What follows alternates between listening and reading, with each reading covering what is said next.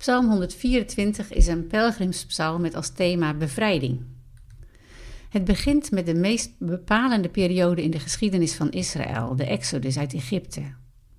En het eindigt met dank voor zijn grote bevrijding. Als de Heer niet voor ons was, als Hij niet aan onze zijde was geweest toen we aangevallen werden, zou hun woede ons hebben verslonden. De vloed zou ons weggeslagen hebben. En het eindigt met: Onze hulp is in de naam van de Heer die hemel en aarde gemaakt heeft. Sommige mensen zeggen: Je moet niet omkijken, je moet het verleden laten rusten. Je moet je richten op de uitdagingen van de toekomst.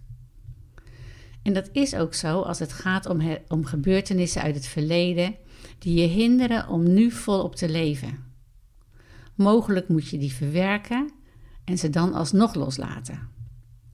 Maar als het gaat om goede herinneringen, dan mag je die koesteren. En dat geldt ook voor de herinneringen in wat de Heer voor je gedaan heeft. Heel de geschiedenis door voor jou en mij. Ook vandaag. En welke herinnering komt er nu in je op waar jij de Heer voor zou willen danken? En je mag gebeurtenissen die niet oké waren ook zien als een voorbeeld voor nu. Zoals Paulus in 1 Korinthe 10 schrijft: dat wat Israël overkwam in de woestijn een voorbeeld voor ons is om niet in dezelfde valkuilen te stappen. Van bijvoorbeeld wantrouwen naar God, seksuele onzuiverheid of de Heer uitdagen. Een voorbeeld van hoe het niet moet, kan dus positief uitwerken in je eigen keuzes.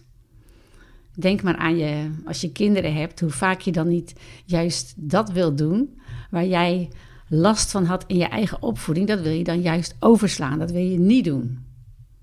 En nare herinnering kan dus een positieve keus tot gevolg hebben. En dan staat er: Prijs de Heer, Hij heeft ons niet laten verscheuren door hun tanden. We zijn ontsnapt. De klem is gebroken. Wij zijn ontsnapt. Dus God is onze bevrijder. Hij helpt en ondersteunt ons. En dat geldt ook voor vandaag, als je vandaag een moeilijke dag hebt.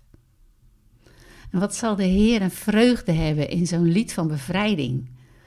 Als we getuigen zijn van Zijn kracht om te bevrijden, dan zien we Hem zoals Hij is. En die klem wordt niet altijd zo snel verbroken als wij het zouden willen. En niet altijd op de manier die we zouden willen, maar op Zijn manier. Hij komt in ons leven, maakt het net of de klem los en onze zielen zweven als een vrijgelaten vogel om dicht bij de Heer te zijn. Zo prijzen we u, Heer, voor uw bevrijding. En we danken u dat u zegt dat onze hulp in u mag zijn.